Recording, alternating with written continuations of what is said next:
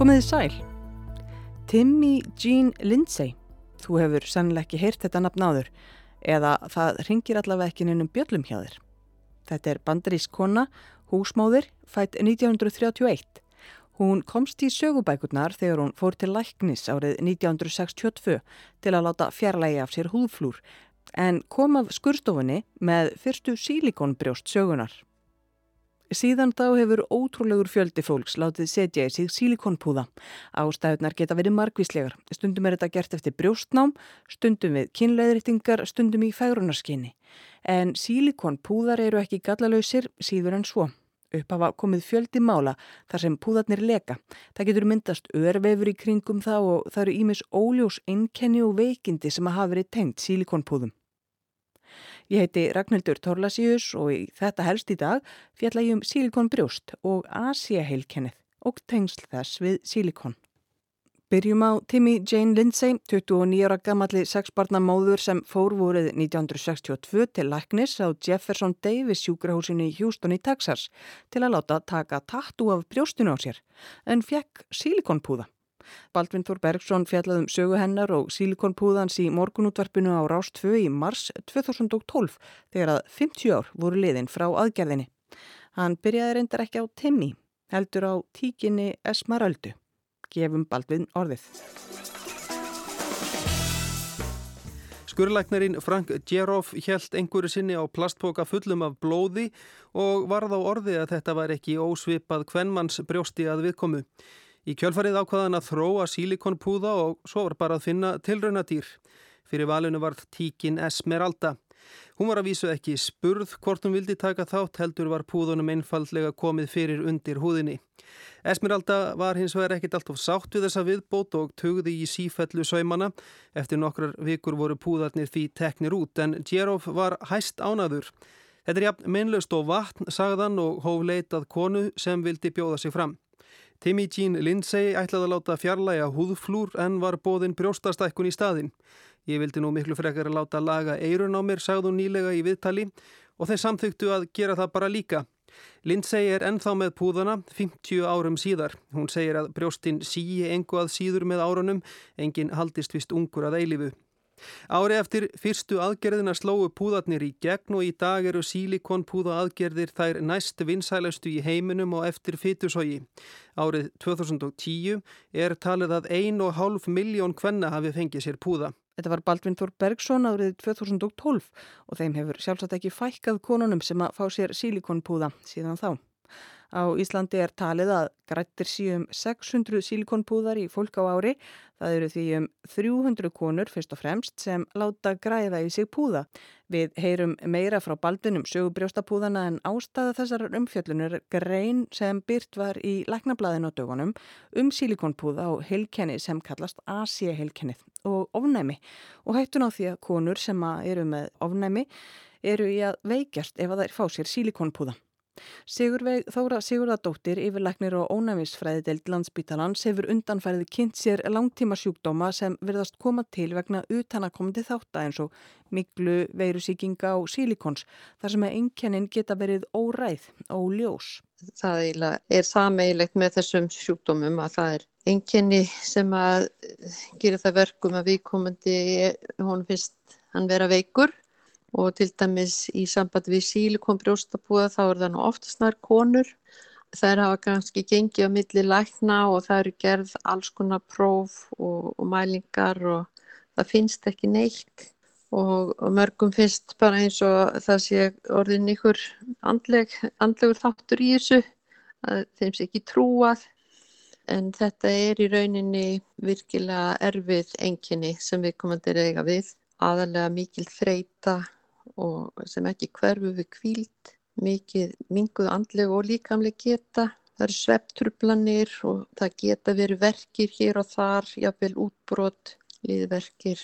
Sigurveig skrifaði á samt öðrum ónæmisleikni og tveimur lítalæknum greinina sem byrtist í læknablaðinu og dögunum til að vekja aðtikli lækna og hvenna á möguleikanum á því að konur sem að finna fyrir þessum einkennum gætu verið veikar vegna sílikonpúða með Asia heilkennið en Hvað er Asia-heilkennið? Asia-heilkenni er eiginlega sjúkdómsmynd sem að kemur til fyrir áhrif einhvers konar ónæmisglæðis.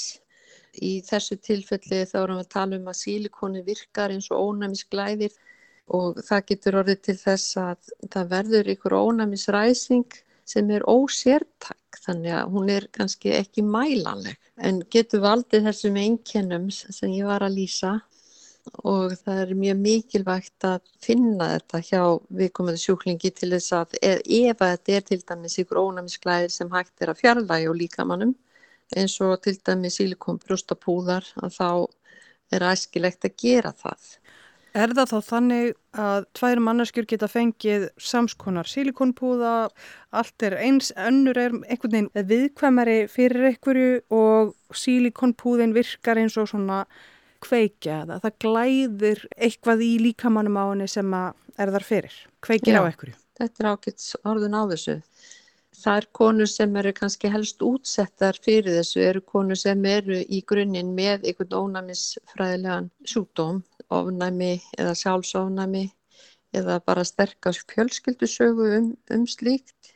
Að það er mikið meiri áhætta hjá þeim heldur en þeim sem eru alveg hraustar og þetta er vissilega ekki nema lítið brot af þeim konum sem að fá sílikonpúða sem að lenda í þessu.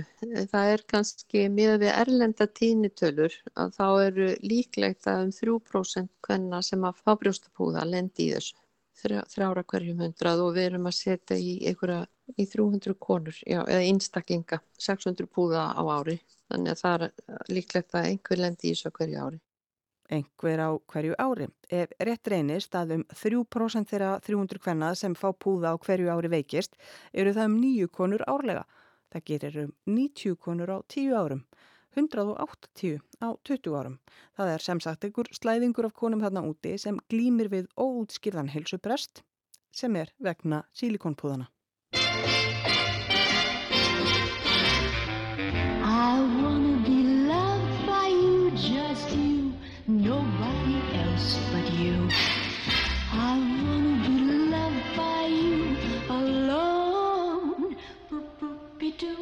Heyrum aftur í Baldvin sem rifjaði upp sögu brjóstapúðans í morgunútvarpinu árið 2012 þegar að sílikonpúðin var 50 ára.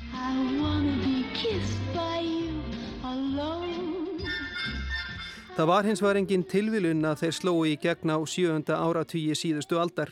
Upp úr 1950 hófst útitspilting í bandaríkunum sem segja má að standi enn. Blöðaborfið Playboy og Barbie voru stopnuð og kvikmyndastjörnur eins og Marlene Monroe og Jane Russell voru ósmeikar við að óta barminum að myndavélunum. Fyllingar í brjóstahaldara urðu vinsalar en sumar konur vildu meira. Gerða voru tilrunni með svampa sem voru grættir í brjóstin. Svo aðferð dögði hins vegar skamt því svamparnir þornuðu og urðu að hörðum kúlum.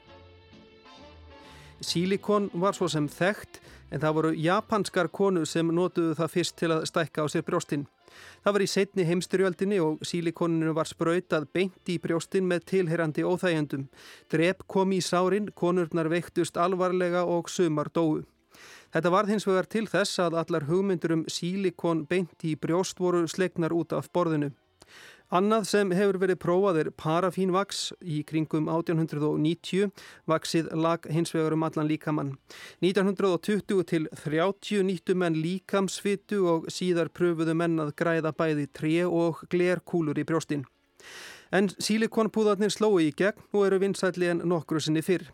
Stundum eru þeir notaðir eftir aðgerðir, til dæmis vegna krabbamins, en oft er það til að bregðast við einkinnilegum kröfum samfélagsins um útlít og brjóstastærð.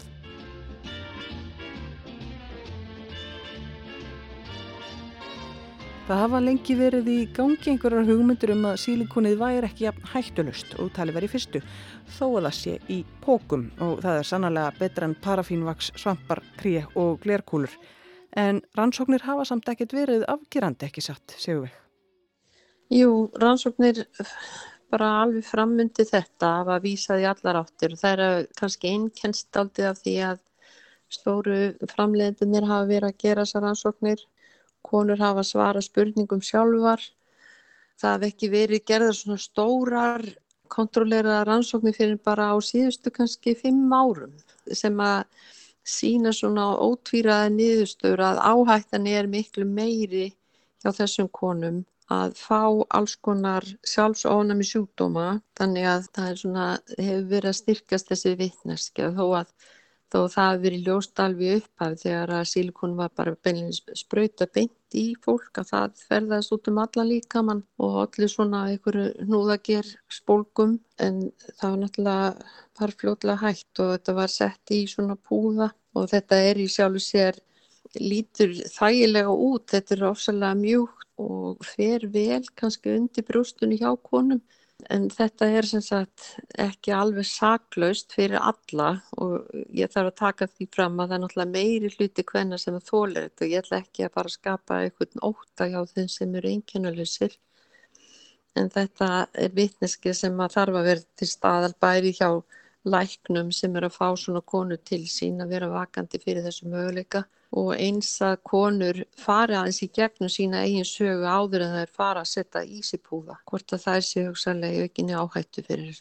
Heldur að fólk sé nægilega meðvitað um það sem geta verið gallar þessara púða þegar það fæsir það? Ég hugsa að það hafi nú verið alveg skortur á því í langan tíma en ég veit til þess núna að, að lítalæknar eru farnar að upplýsa konur um þetta og ég held að þessi allir samála um það núna að, að þetta sé vitneska sem að konur þurfi að fá áður en er settir púðar í þær. Er ástæða fyrir konur eða fólk sem er með svona púða að láta fjarlæga þá? Ef að það er svona eitthvað hefur óljós einkenni ofsaleg þreita, fólk aðröð með einbytta sér og svona alls kynns illskilgreinanlega einkenni, er það ekki? Og, og það finnst ekki engin ástæða fyrir þessu. Mm. Það er vissulega ástæða til þess að íhuga það.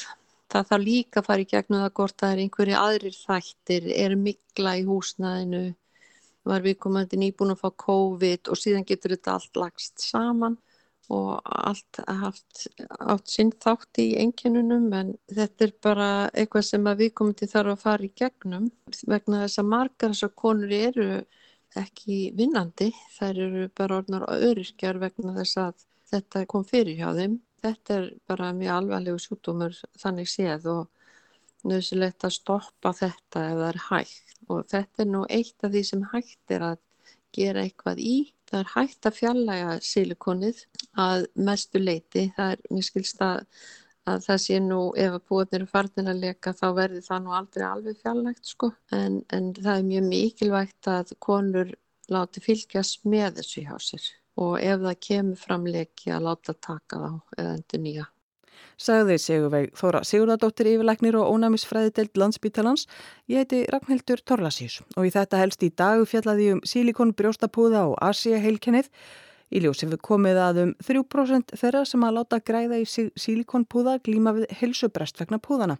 Það er eins og sílikonið kveiki á undirliggjandi ofnæmi, konur með sjálfsónæmi sjúkdóma eða saklýsislegt ofnæmi, frjókorna ofnæmi til dæmis, eða bara mikla fjölskyldu sögum ofnæmið geta verið viðkvæmari fyrir þessu. Það hægt að hlusta á þetta helst í spilararúfa og öllum helstu hlaðarpsveitum. Takk fyrir að hlusta, verið sæl.